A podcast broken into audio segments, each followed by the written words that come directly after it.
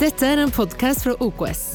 Så glad for at du lytter på oss i dag, og håper dette vil oppmuntre deg og styrke ditt trosliv. Nyt budskapet sammen med oss. Och Jesus, vi tackar dig för att du är här ikväll. Tackar dig för din närvaro. Herre, jag ber att ditt ord skulle producera vad bara ditt ord kan göra, Herre. Halleluja.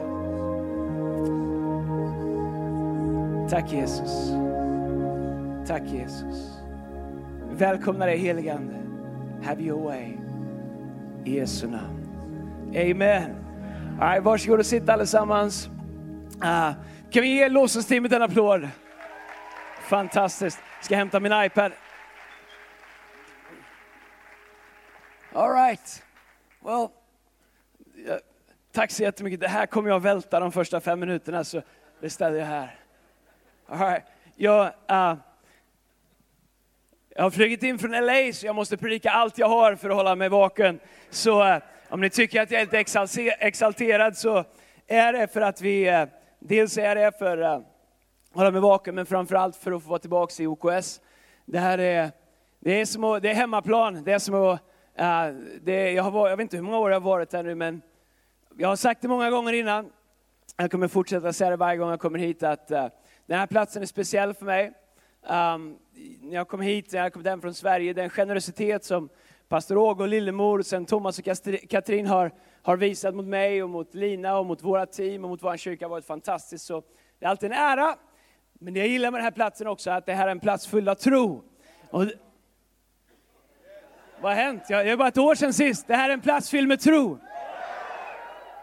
Och där det finns tro kan Gud göra allt. behövs inte mycket, behövs bara lite. Har du bara med dig lite tro så går det bra också. Om du inte har med dig någon tro så går det också bra. Om du är här idag och någon sa att vi skulle gå på bio så hamnar du här, du har aldrig varit i en kyrka innan. Så om du är här idag som inte tror på Gud eller inte vet vad det här är så är du extra varmt välkommen. Det är en ära för mig att få tala lite här idag och ha dig här idag. Jag vill att du ska veta att vem du än är som hör mig idag just nu, om du hör min röst just nu. Gud älskar dig. Gud har en plan för dig. Det spelar ingen roll vad du tror om Gud, Gud vet vad han tror om dig.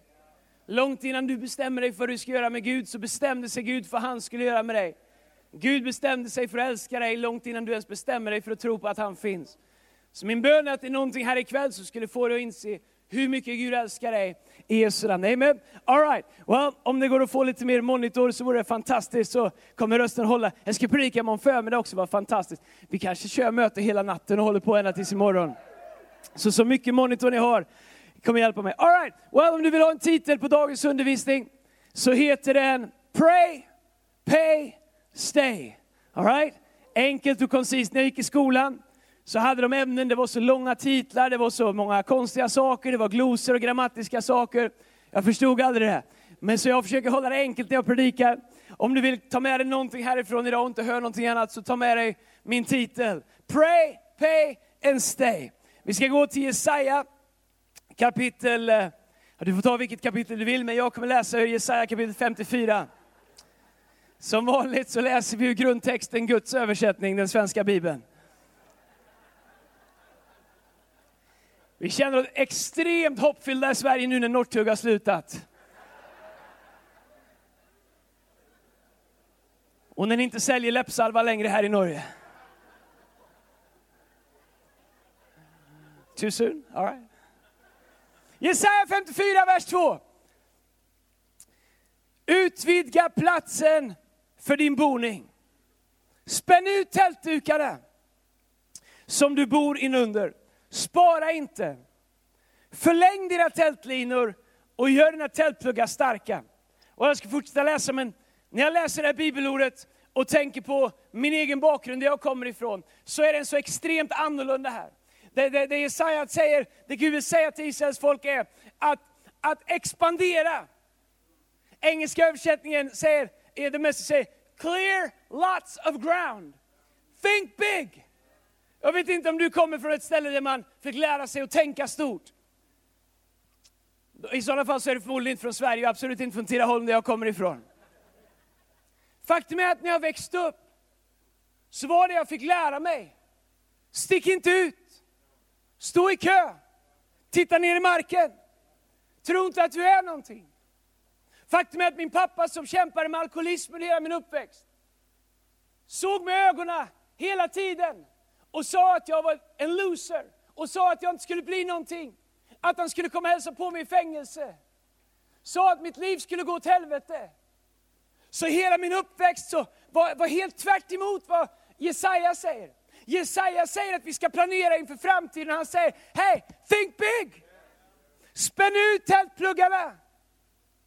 Han säger, gör rum för det som ni ännu inte har fått. När alla människor fattar att göra rum för det man har fått. Alla människor fattar att vi måste ta hand om det vi har. Men Guds rike är annorlunda. Guds rike är, gör rum för det som du ännu inte har, så att Gud kan göra det du ännu inte har kunnat göra. När vi startade vår kyrka sa pastor Brian till mig, alltid i början, Andreas, space and faith walks hand in hand. Gud kan bara fylla det som du gör rum för. Så Jesaja, han säger, kom on, gör rum för mer. Förvänta dig mer. Sätt din tro på mer. Jag skrev en artikel i en kristen tidning i veckan som gick och som vanligt så blir det blandad respons. Jag vet inte vad det är. Men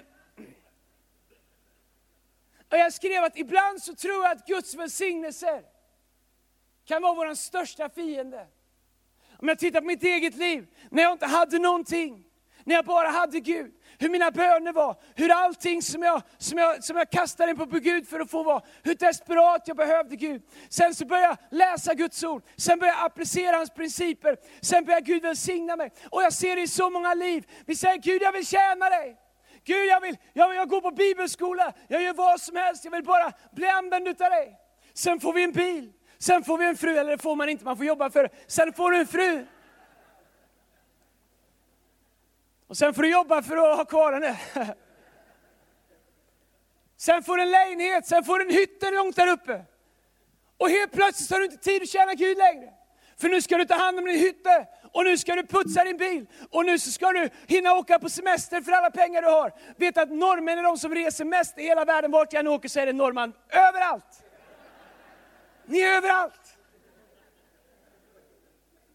Kan det vara så att Guds välsignelse ibland är det som hindrar oss från att förstå vårt behov av Gud, eller leva i den desperation som bara desperation kan göra hos en människa som kastar sig på Gud. Så Jesaja, han säger, hej, gör rum för Gud vill göra mer.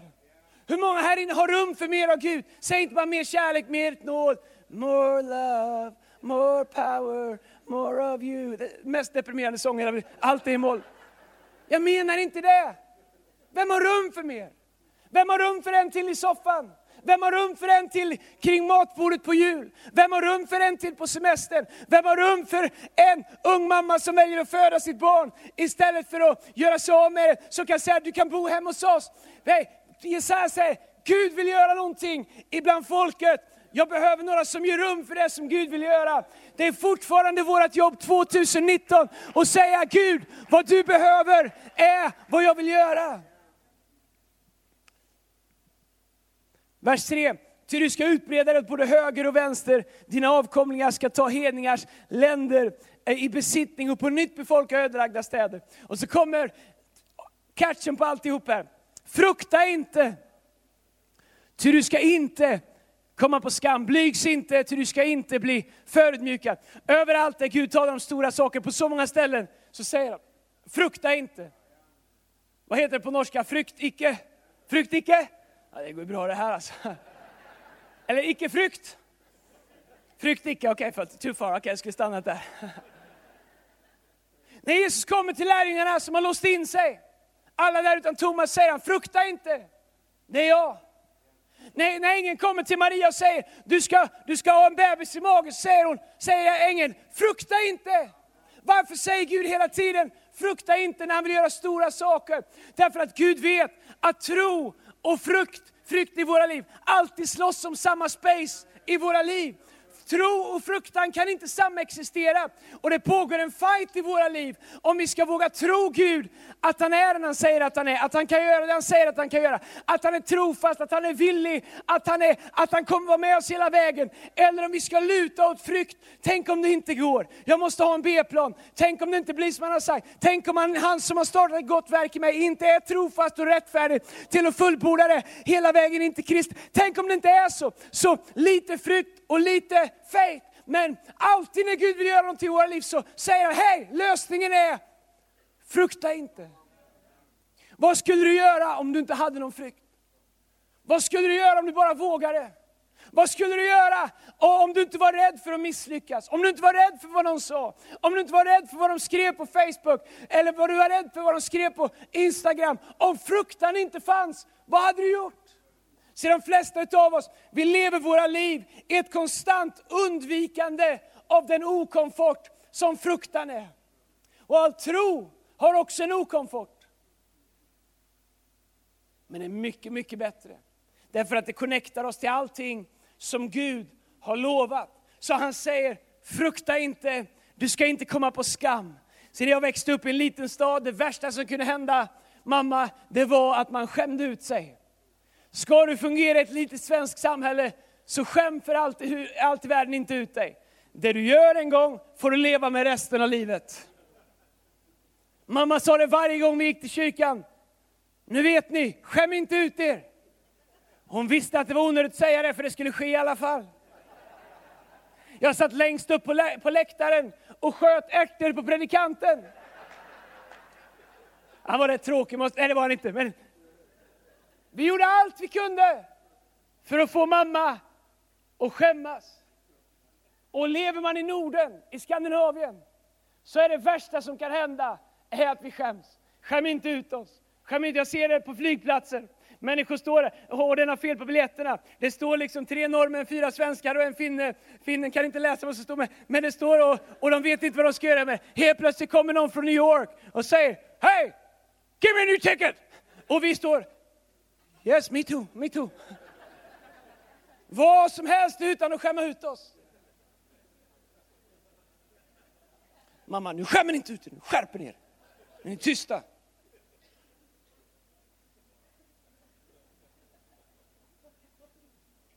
Men här är grejen. Vi är inte byggda för att leva ett defensivt liv som undviker fruktan eller potentiell skam.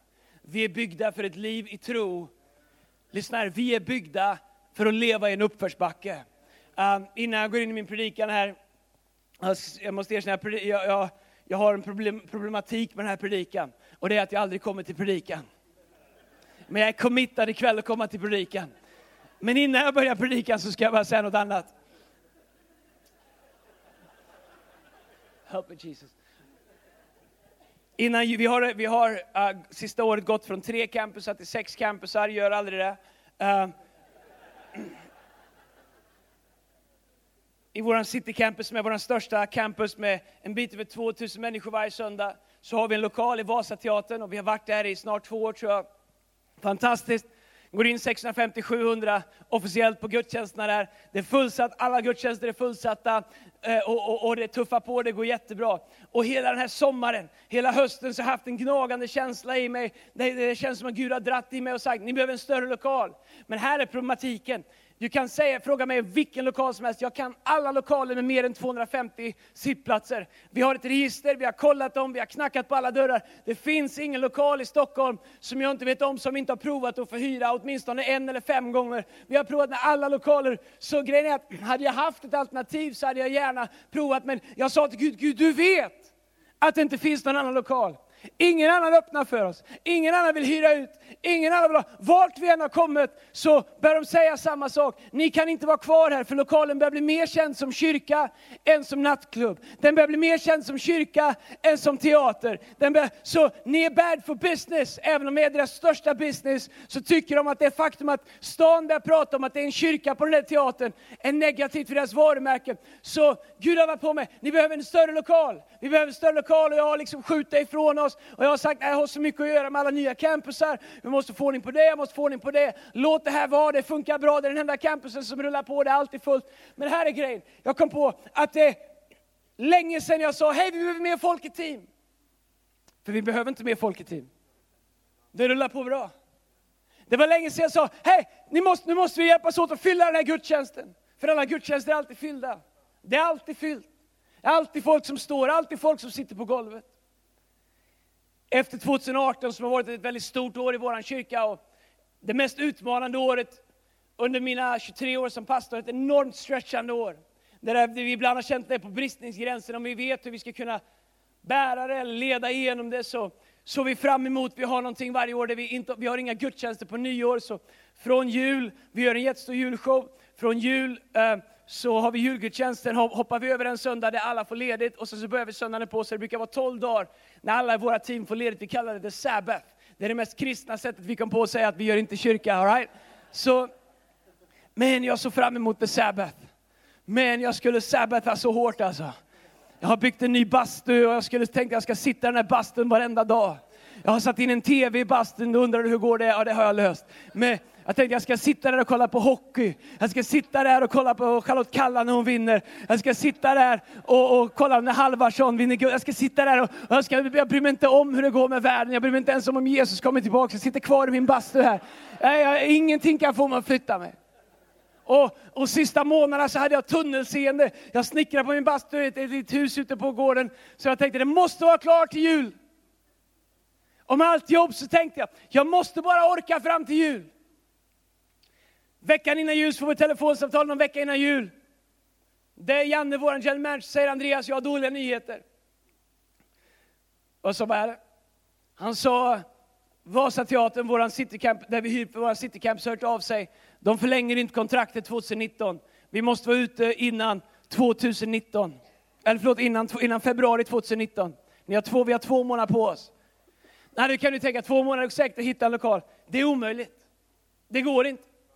Om jag fick en miljon skulle jag inte ens kunna komma på vilken vi skulle kunna fråga som inte har sagt nej hundra gånger redan.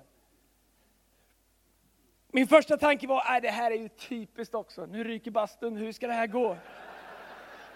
Nej, skämt åsido, jag säga, det, det, det, jag kände mig faktiskt sänkt under en halv minut. Efter en halv minut så var det som att, jag måste säga som det var, det var som att trons ande kom i mig. Och jag kände, det här är det bästa som kan hända oss. Det här är suveränt. Tack gode Gud. Om jag är så trög när du försöker prata med mig ända sedan i somras, så att jag inte fattar när det som har varit en blessing nu är någonting som hindrar oss från att nå fler människor.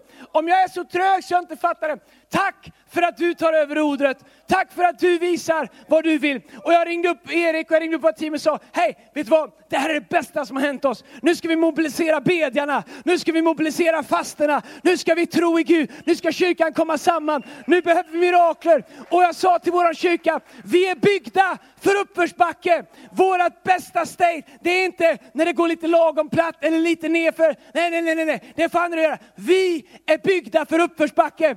Vi går ner på fristil, vi lägger i treans växel, böjer oss framåt. Vi saxar upp och vi tar av oss skidorna och går upp om det behövs. Vi är gjorda för uppförsbacke. Därför att större är han som bor i oss än allt annat som finns. Och samma ande som uppväckte Kristus från de döda bor i oss. Vi behöver inte en öppning till en lokal för att få en lokal. Gud äger alla lokaler. Och jag sa, fantastiskt, let's pray! Så kom vi till den, vi skulle ha ett möte om vilka lokaler vi skulle ringa. Jag ställde mig vid tavlan, ett, kom inte på någon. Så kom vi att tänka på den lokalen.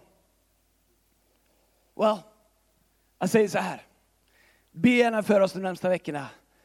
It's a miracle in the making. Det som djävulen menar för ont, säger Bibeln, kan Gud vända till någonting gott. Här är grejen med oss. Vi är skapade för att leva med ett konstant behov av Guds ingripande och Guds intervention. Vi är skapade för att konstant leva liv där vi behöver Gud för att kunna leva i det som vi ger rum för i våra liv. Okej, okay, nu till predikan. i, i, i, våran trä, i våran trädgård så har vi inte så mycket trädgård. Jag är kass på trädgård, jag, jag, har gräs och jag försöker bygga så mycket altan det går så det inte ska vara så mycket att klippa. Min fru tycker om lite gräs, jag tycker om altan för det betyder att det finns inget att klippa. Men vi har en tomt med massa gräs och en dag så var min svärmor, säger ni svärmor? Min frus mamma, bless her, eh, var hemma hos oss och eh, jag var inte där. Hon planterade buskar. Jag vet fortfarande inte riktigt vad det var för buskar. Men hon stod och grävde en hel dag för hon planterade dem där det var mest grus och lera och annat. Men hon kan det där. Hon sa där ska de vara. Eh, jag visste inte om det och hon jobbade en hel dag med det. Nästa dag så kom jag hem och det var jättefint väder. Och Jag tänkte det här är en perfekt dag för att klippa gräset. Jag har en ny gräsklippare, en Husqvarna en svensk gräsklippare. Jag startade upp min gräsklippare. Jag laddade på, eh, tog på mig hörlurar, laddade på musik och jag gick där fram och tillbaks, fram och tillbaks, fram och tillbaks. Jag var så glad, det var så fint. Tog med tröjan, sola lite grann. Helt plötsligt kom min fru springande som om det här var ett inbrott i huset. Hon bara står och tittar och hon säger du har dödat min mammas buskar. så vi hade två buskar, nu har vi inga. Okay? Så vi är inte så bra på trädgårdsarbete. Om det är någon som är det så kan du få komma hem och bo en vecka hos mig om du fixar vår trädgård. Men jag har studerat ett träd. Mer än jag har studerat något annat i biologin, jag har studerat ett träd. Fascinerande. Det kan ha med mina diagnoser att göra, att jag lätt fastnar för en sak. Jag har studerat ett kinesiskt bambuträd. Om jag fick plantera träd skulle jag bara plantera kinesiska bambuträd. Det som är speciellt med ett kinesiskt bambuträd är att fröet är väldigt, väldigt litet. När man sår fröet till ett kinesiskt bambuträd, efter man har sått det, så måste man vattna varje dag. Varje dag måste man ge gödsel, gödsel, fertilizer. Varje dag måste man gödsla.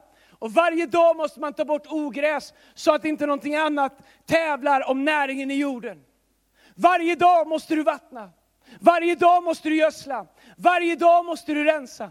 Varje dag måste, när du går upp på morgonen, du har grävt upp ett hål och stoppat i ett frö. Du står och vattnar och din granne kommer och frågar, vad gör du? Jag har planterat ett bambuträd här, så jag vattnar det. Grymt, säger han. När kommer det? Ja, det vet jag inte, men det kommer växa. Alla tycker det är spännande, din granne tycker det är spännande.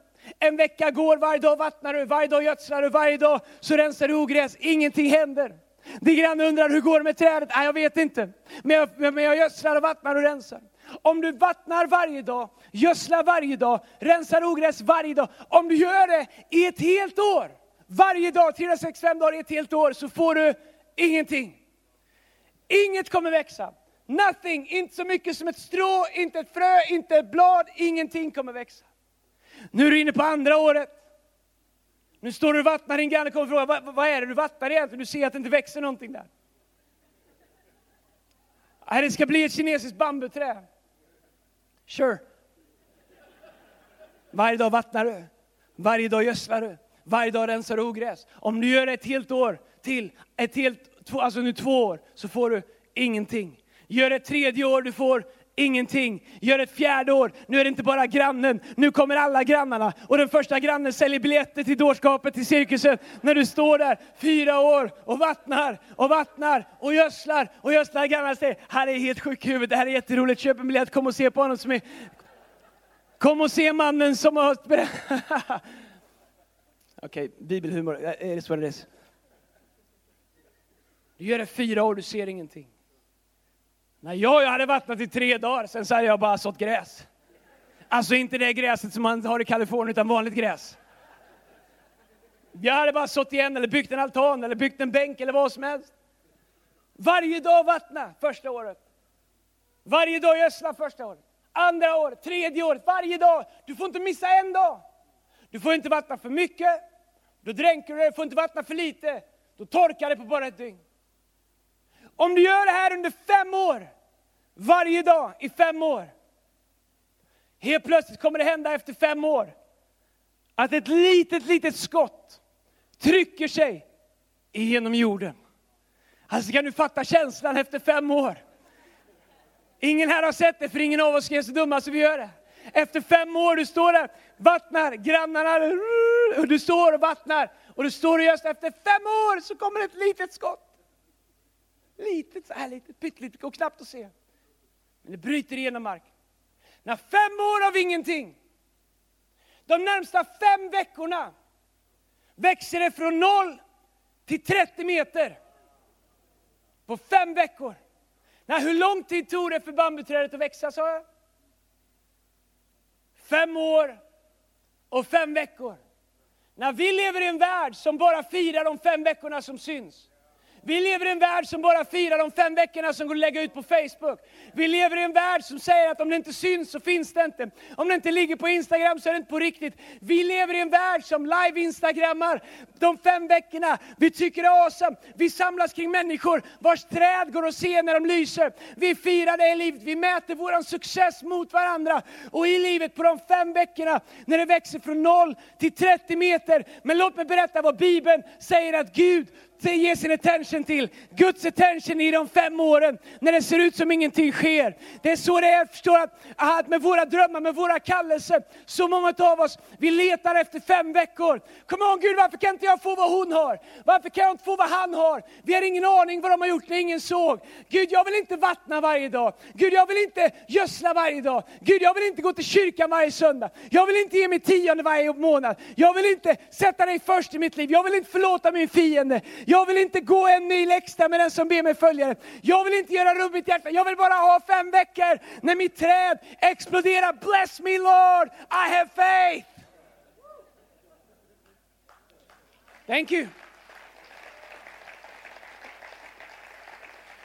Och så reducerar vi evangelium och reducerar allt vad Gud gör till det som får plats i de fem veckorna som går att visa upp. Hur går ditt liv? I Skandinavien första frågan, vad jobbar du med? Vad jag jobbar med? Inte vem jag är, inte var jag kommer ifrån, inte hur jag mår, inte vad jag har för drömmar, inte vad jag är för människa, inte vad jag jobbar med är viktigt. Det är den första, det är viktigt vad jag jobbar med. Jag jobbar på bank. Åh, oh, jobbar på bank. Då så.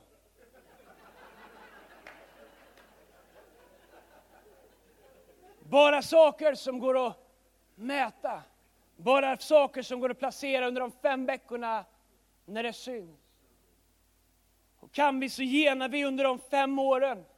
Och vi letar genvägar, och vi letar andliga fenomen, och vi letar shortcuts, och vi letar, vi letar moves, och vi letar whatever it takes för att slippa göra de fem åren. Bibeln säger förakta inte den ringa begynnelsen, för Herrens glädje i den. Om inte vetekornet faller ner och dör, förblir det ett ensamt vetekorn och kommer aldrig bära någon form av frukt. Du förstår, du kanske är här idag och du har en dröm och det känns som att alla andra får sina bönesvar. Du säger, jag har bett för mitt äktenskap nu i fyra år. Min vän, om jag är här för att göra någonting så är det att säga till dig, come on, ge inte upp. Kanske är det så att du är på gränsen till ditt genombrott. Kanske andra har fått sina mirakel, kanske har du kommit hit och du har haft en dröm och du ser andra människors drömmar gå i uppfyllelse. Och du följer deras Instagramkonto när det växer, när det växer, när det växer. Men du vattnar och inget kommer. Du gödslar men inget kommer. Men du förstår, vi har aldrig varit ansvariga för det som växer. Vi har alltid bara varit ansvariga för att vattna, för att gödsla och för att hålla det rent så att inget ogräs finns där. Det är Gud som gör att det växer. Och min bön är att vår kristendom inte skulle reduceras ner till fem veckor på Instagram där vi kan få likes och styrkekrav. Vad är styrkekrav? Kramar det sjukaste jag vet, vad är ens det? Där vi kan få människors uppmärksamhet så att det känns bra. Nej, det är inte det som Gud har kallat oss till. Så vi reducerat ett evangelium som började med, Paulus säger nu lever inte längre jag, utan Kristus lever i mig. Att leva är att dö. Den som mister sitt liv för min skull, han ska finna det. Jag vill ha mina fem veckor. Jag har varit här under så länge nu. Förra kyrkan jag gick i, säg det till en pastor på fel dag.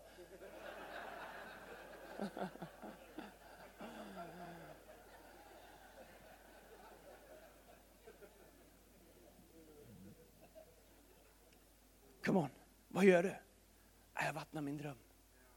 Gud har sagt att han ska använda mig. Jag har inte sett, jag vet inte än, men jag vattnar min dröm.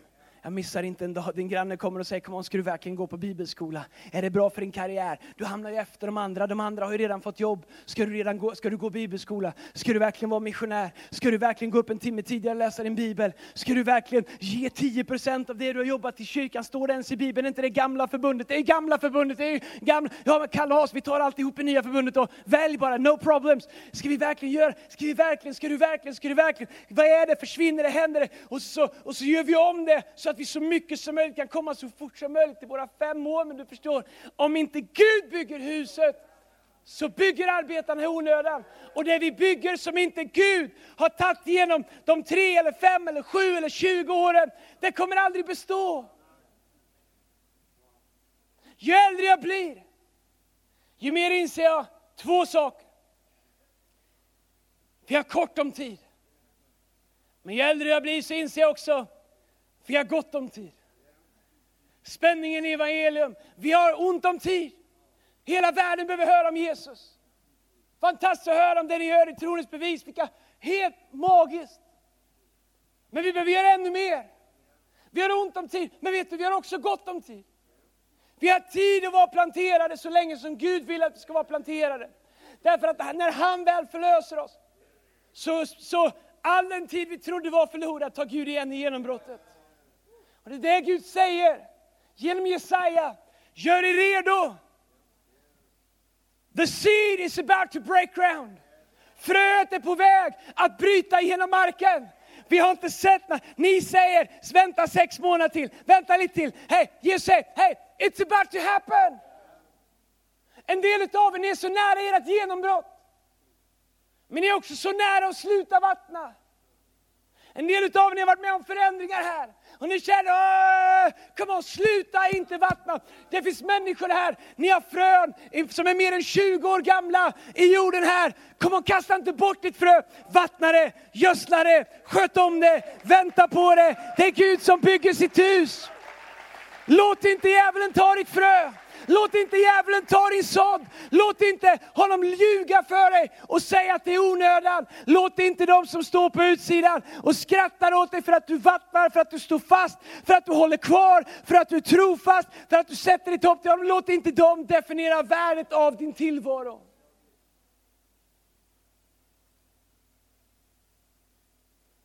Hur många har egentligen inte slutat med det som Gud hade lagt i deras hand? För att de inte såg resultat under den tid de ville. Hur många saker har jag inte gjort för Gud? Som jag slutade göra för jag inte såg det resultatet så snabbt som jag ville. Min bön är att vi skulle leva liv där vi förstår att vårt jobb är att vattna. Vårt jobb är att gödsla. Vårt jobb är att hålla rent från ogräs. Det kan applicera på så, många sätt, på så många sätt på våra liv, på våra relationer med icke-kristna. Vårt jobb är inte att lösa de här fem veckorna när de bryter igenom och dansar baklänges och sjunger i tungor. Det är inte vårt jobb. Vårt jobb är varje dag vattnar vi.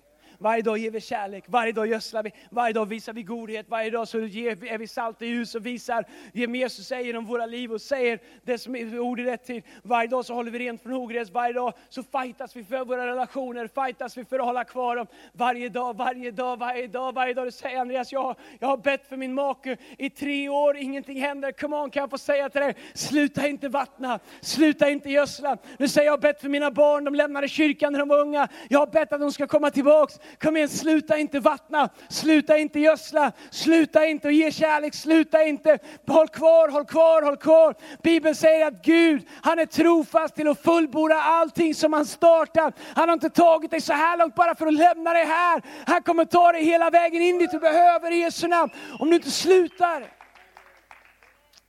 Alright, nu till predikan. Jag har tre saker som jag vill dela.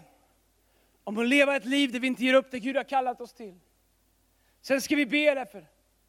Drömmar kommer få nytt liv här inne ikväll. Mirakler som du har slutat hoppas på kommer få nytt liv här inne ikväll. Relationer du har gett upp på kommer Gud återupprätta här inne ikväll, inte imorgon, här inne ikväll. Om du är här idag och du bara känner att det här är ett ord till mig, det, det finns saker i mitt liv som jag har slutat vattna, så är Guds ord till dig ikväll. Ingenting är förlorat. Det är bara att börja vattna det igen. Det Gud har lovat, det kommer han fullborda. Men medan jag delar de sista sakerna, öppna ditt hjärta. Låt den helige Ande verka i ditt hjärta. Så att vi kan se Gud göra mäktiga saker här inne, om bara ett litet ögonblick. Tre saker om hur vi kan leva ett liv där vi inte ger upp, där vi inte slutar vattna. Nummer ett, you get what you pray for. Vision. I Apostlagärningarna kapitel 13, vers 2 så står det så här. När de tjänade Herren fast och, och fastade sa den helige Ande, avskilj Barnabas och Saul åt mig för den uppgift som jag kallat dem till. Då fastade de och bad och la händerna på dem och skickade sedan ut dem. Det, det Bibeln säger är att medan de bad så talade Gud. Vet du, om du, vi behöver leva ett liv där vi förstår att Gud kommer svara på de bönerna vi ber. Jag inser när jag tittar på mitt eget böneliv, att hade jag varit Gud så hade jag suttit uppe i himlen och bara sagt, amen vad är det frågan om? Han vill att bilen ska starta idag igen.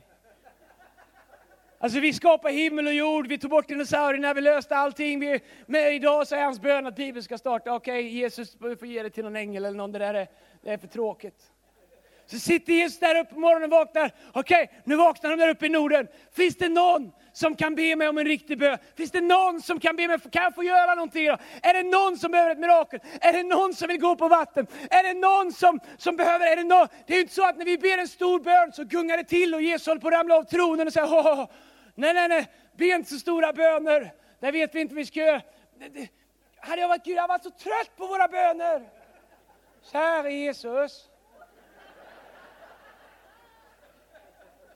Sol på semestern och snö på vintern. Frysgrader när jag åker skidor. Tack kära Herre att du hör mig. Amen. Herre, förvandla världen och gör så det blir ärtsoppa på torsdag. Kom on. Alltså, han lät Lazarus vara död några extra dagar bara för att han skulle få göra ett riktigt mirakel. De ropade på honom efter två dagar och Jesus sa, två dagar, det är för enkelt. Och Peter sa, Jesus nu har det gått tre dagar, kan vi inte göra det? Äh, tre dagar, det är för enkelt, han luktar inte ens än. Ge det en dag till, till han är riktigt, riktigt, riktigt död. Så att jag får göra det. Jag har inte gjort mirakel nu, jag har inte gjort något bra mirakel på två dagar. Jag måste få göra ett supersize mirakel. Jag är övertygad om att Jesus, han, det var inte bara, han sa, nej, jag, jag, jag, jag känner för det som, jag var i USA och gick in på en hamburgerrestaurang och de frågade, vad vill du ha? Jag sa allt! Allt! Onion rings, french fries, dip, cheese, bacon, burger, allt! When in America, come on somebody. Jag kan tänka mig att det är så Jesus säger när han sitter där och säger, din vän Lazarus har dött. Och så möter han ju Marta av allihopa. Jesus om du hade varit här. Jesus säger, är du dum eller? Jag har ju låtit han börja lukta för att ni ska få se. Jag ska göra både ett synligt, jag ska använda alla sinnen i det här miraklet. Hörsel, lukt, syn, känsel, allt. Alla ska med. Så säger rulla bort stenen. Är det verkligen nödvändigt? Vet, hade jag varit Jesus, får man inte börja prata om lärjungar också. Men, you get what you pray for my friend. You get what you pray for. Vem här inne ber att det ska vara fullt här inne nästa år? Ja, det är lite mycket mer procentuellt, här är större tillväxt än vi någonsin har haft. Käre Herre, come on! Vem ber att ditt barn ska bli använd av Gud för att förändra världen, för att nå mer onådda människor. Kära Herre, kan han få bli ingenjör? Det kan han ju få bli också, det är inte fel på det. Men vem ber stora böner? Herren säger, pröva mig i detta! Be, sök, bulta och ni ska finna. You get what you pray for. Men vi är i Sverige så vi ber inte så mycket. Vi är i Norge. Åh Andreas, nu hörs det att du kommer från USA. Min vän, USA är 300 år gammalt. Gud har funnits för evigt. It's not an American thing, it's a God thing. Vad inget öga har sett, vad inget öra har hört, vad människohjärtat inte kan förstå, det har Gud för. Och jag kommer predika som det är söndag kväll hemma i Stockholm, I don't care. Det har Gud förberett för de som älskar honom. You get what you pray for my friend. You get what you pray for. Varför hade vi ingen större lokal? Därför att vi bad inte om en större lokal. Då säger Gud, I'm gonna make you pray. Ni får inget mer kontrakt. Rena mig med eld. Jag gör allt. Men vad skulle krävas för att vi bad om bönerna? Men 2019 jag ska be större böner än jag någonsin har bett ska be Gud om större saker. Jag har sagt till Gud, Gud ge mig opportunities att be för människor. Jag har sagt till vårt staff, till våra team, hör om någon är sjuk så fråga, får jag be för dig? Hör om det är någon som behöver ett mirakel, kan inte vi be tillsammans? På tunnelbanan, på jobbet, på hemmet, på kyrkan, på whatever. Come on, let's pray. You get what you pray for. Nummer två. You get what you pay for. Jag kan starta den heliga ande, släpp loss den heliga ande där.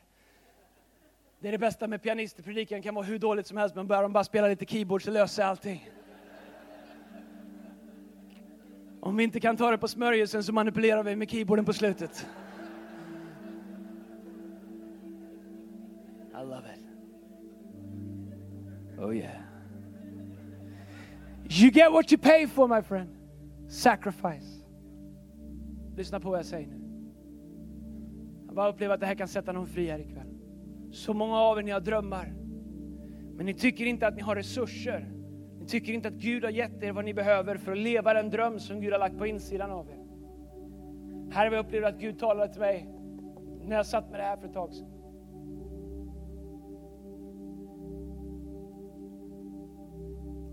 Det finns alldeles för många kristna som har tagit det frö som Gud har lagt i vår hand.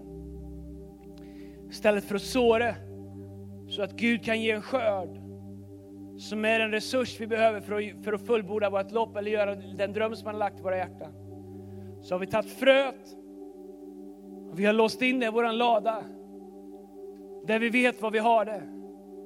Och så litar vi på tryggheten av ett frö som är i vår lada eller vår bank eller någon annanstans vad vi kallar det så skapar vi en, en, en trygghet som förlitar sig på frö. Jag har i alla fall tillräckligt med frö i min lada. Och säger du, Gud om jag bara hade haft resurser så hade jag tjänat dig. Gud om jag bara hade haft en bil så, så hade jag skjutsat människor.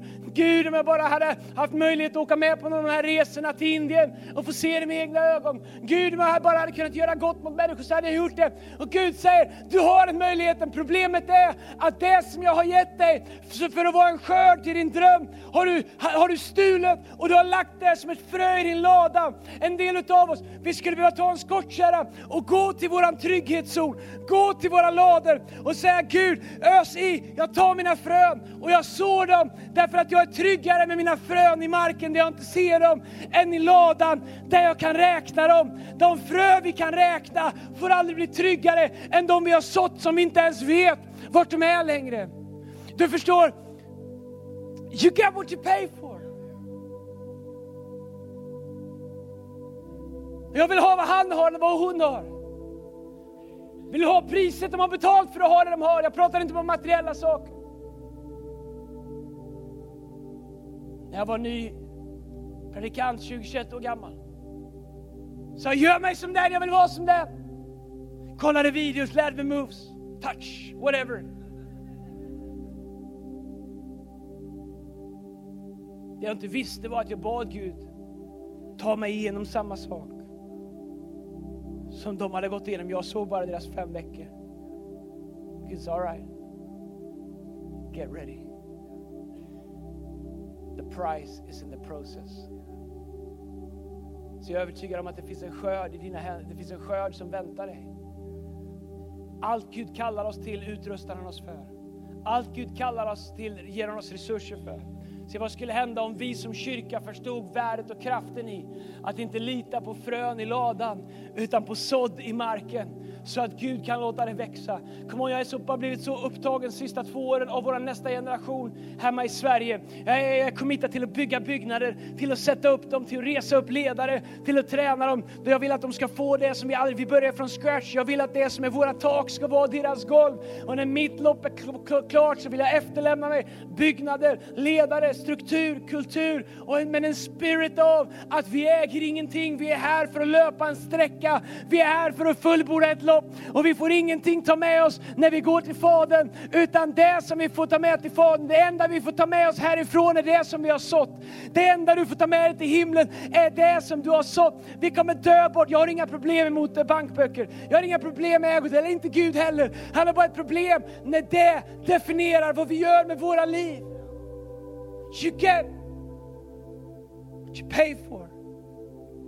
Storleken på din skörd avgörs av hur många frön du sår. En del har en skörd som matchar det du är kallad till, men din, la, din, din säd ligger i ladan.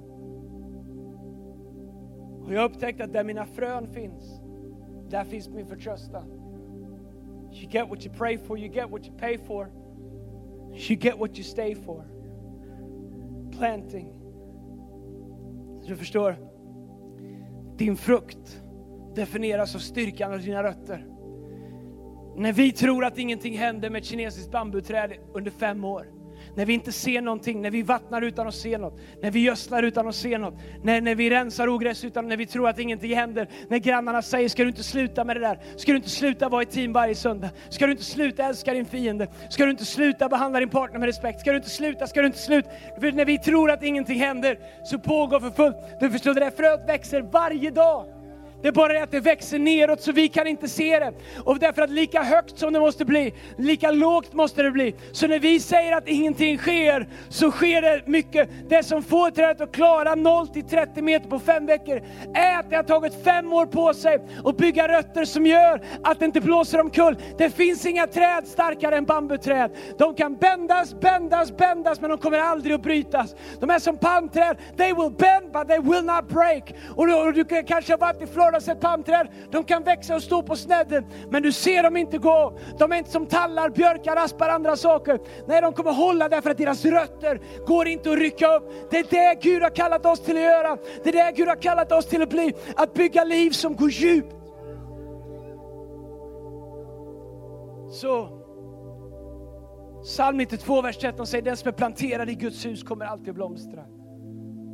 Vart jag än går tar jag chansen att säga, du inte har planterat i en lokal församling så kommer Gud aldrig kunna göra det han vill göra i ditt liv. Så många av oss, vi lever våra liv som istället för att våra liv är liv som är planterade i marken som kan växa upp så Gud kan ge frukt, så det kan bära frukt, så har vi våra liv som en liten blomkruka. Nej, jag ska prova den här kyrkan, jag har hört att de har lite bättre lovsång. Nej, jag kände mig inte sedd, jag går hit. Nej, jag gillar inte predikanten, han nämnde tionde. Här vill jag inte heller vara, jag ställer min brokare, men här vill jag inte heller vara för jag får inte vara med i lovsången fast jag inte kan sjunga. Här har jag hittat en kyrka där de inte ens har någon som kan vara med i lovsången så jag fick vara lovsångsledare. Här vill jag vara med. Det är så många människor. Vi tar våra liv som det vore en blom, blomkruka. Så bär vi runt på det. Ingen får hålla det, ingen får leda det. Kan inte växa några rötter. Kan inte bära någon frukt. Säg Gud varför gör du inget i mitt liv? Varför växer inte jag som den? Gud säger ställ ner din kruka. Den som är planterad i Guds hus kommer alltid att blomstra. Även vid hög ålder kommer de fortsätta bära frukt.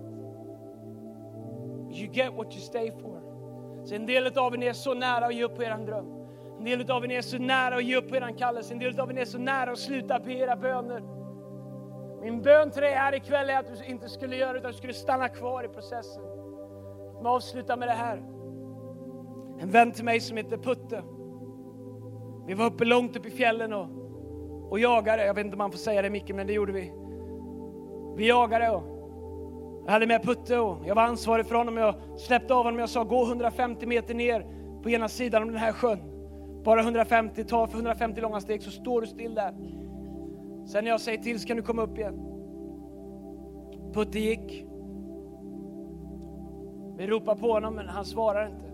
Till slut började han ropa i sin radio vi hörde honom, men han hörde inte oss. För varje timme som gick så hörde jag hur desperationen blev större och större i hans röst. Han hade gått vilse, han hade valt fel sida av sjön och gått och gått och gått, trodde att han skulle komma rätt. Och utan någon konstig anledning som bara han och Gud vet så slutar han inte att gå. Nu börjar det bli skumt, det börjar bli mörkna ute. Vi är där uppe, han har kommit långt in på Sameland. Jag inser att vi har ingen aning om vart han är. Han börjar få panik, vi hör honom prata i radio men han hör inte oss. Han har något fel på sin radio. Han berättar hur han sätter sig ner panikfärdig. Han är en före detta proffshockeyspelare, stor tuff kille. Ganska ny i tron, han tar sin radio och så säger han, gode Gud nu har jag bara dig kvar, nu måste du hjälpa mig. Helt plötsligt börjar hans radio funka.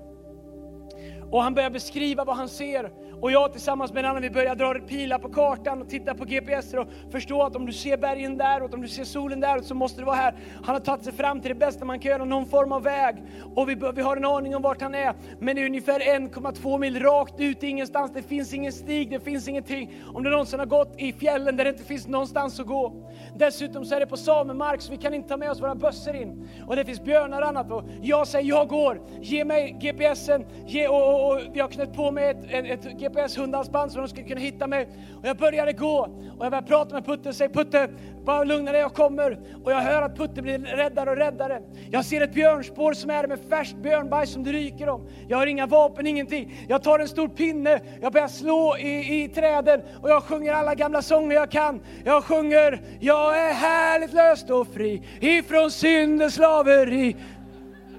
Han har öppnat pärlor på björnarna, jag, de har frälst allihopa. Jag sjöng så mycket jag bara orkade för att skrämma. Till slut så, så säger Putte, så börjar jag förstå att jag börjar närma mig, men han vet inte riktigt vart vi är. Då säger Putte så här, hej, jag kommer och möter dig. Han säger, nej, nej, nej. Om vi missar varandra så finns det ingen chans för oss att hitta varandra.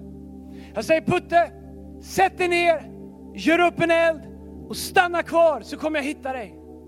Ta inte ett steg. Men han säger, jo, jo, jag, jag, jag, jag känner att jag börjar få tillbaka liksom min, min, min, min, liksom, mina bearings här och jag känner att jag hittar lite nu. Jag tror jag vet ungefär vart du kommer. Han säger, Putte, jag har inga vapen, men jag kommer ändå slå ihjäl dig om jag kommer, om du inte står still. Det blir två grabbar, det betyder att jag älskar honom, men sitt still. Jag hittade honom för att han stannade. Sin del av oss, vi är så vana att hela tiden flytta oss. Hela tiden prova något nytt. Hela tiden gå vidare. Hela tiden ge upp. But you get what you stay for. Här ikväll så är jag övertygad om att det finns drömmar som Gud vill väcka liv i. Du som är här som en gång var på en kallelse i din ungdom. Tänkte det blev ingenting med det. Och att Gud ångrar aldrig ett frö. Det finns inte ett frö som inte går att bära. Du som drömde om att ha ett äktenskap som blomstrade, Gud satt i mitten och du känner att vi har glidit ifrån varandra. Och min vän, ikväll så är Gud här. Och det enda du behöver göra är att bestämma dig för att börja vattna igen. Kanske du här idag, du är sjuk i din kropp och du har bett om mirakel så länge och du känner Andreas, jag har vattnat nu fyra år och elva månader och tre veckor, jag orkar inte mer. Min vän kan jag få säga till dig, sluta inte vattna. Gud är trofast, han har hört sina böner. Jag vet inte varför han väntar några extra dagar ibland, jag vet bara att han alltid håller vad han lovar. Ska vi stå upp tillsammans? Alla huvuden böjda, alla ögon stängda.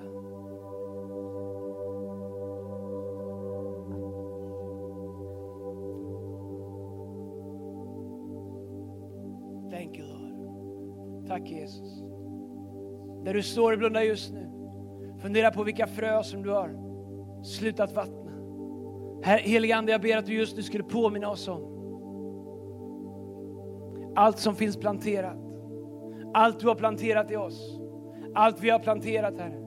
Herre, det som aldrig växte, det som aldrig blev det vi hade hoppats, det som kanske blev besvikelse, det som kanske till och med ledde till bitterhet, I don't know. Herre heligande, jag ber att du skulle väcka upp vårt inre, Herre. Låt oss se igen, Herre, det som vi inte har sett på länge, det som du har lovat, det som du har sagt. Herre, jag tackar dig för ditt ord. Herre, tack för att ditt ord och dina löften aldrig kommer tillbaks fåfängt. Herre, att det gör vad det är utsänt för. Herre, jag tackar dig för att du är den du säger att du är. Herre, jag tackar dig för att du är trofast. Herre, jag tackar dig för att du är alfa och omega, alltings början, alltings slut. Herre, jag tackar dig för att du är sanning. Herre, jag tackar dig för att du är sanningens ande. Herre, jag tackar dig att ingen lögn finns i dig. Du kan inte ångra vad du talar. Du kan inte se det du har sagt inte ske. Herre, jag tackar dig att inte genom någon människas styrka eller kraft ska det ske, utan genom din ande, Herre. Herre, jag tackar dig för att större är han som bor i oss, en besvikelse som hindrar oss, en svårigheter och tragedier som håller oss tillbaks, en bekvämlighet, än vad det än är som håller oss tillbaks. Herre, jag ber just nu, Herre,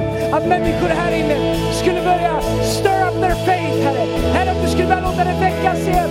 Drömmar i Jesu namn. Herre, låt dem se syner som har slocknat, Herre. Herre, jag ber om ny tro. Herre, jag ber om en ande av tro här inne i Jesu namn. Herre, jag tackar dig helige Ande. Stir up our heart. Stir up our spirit. Stir up our heart. Stir up our spirit. Kom on, om du har drömmar i ditt inre som du vill att Gud ska få lyfta upp igen. Kom on, lyft upp dina händer. Var med och sjung Takk for at du tok deg tid til å lytte på en av våre podcaster fra OKS. Vår visjon er å bringe Jesus til mennesker i vår verden, og mennesker i vår verden til Jesus. Følg oss ellers på vår YouTube-kanal og sosiale medier. Du er velkommen til å besøke en av våre kirker. For mer informasjon, sjekk ut oks.no.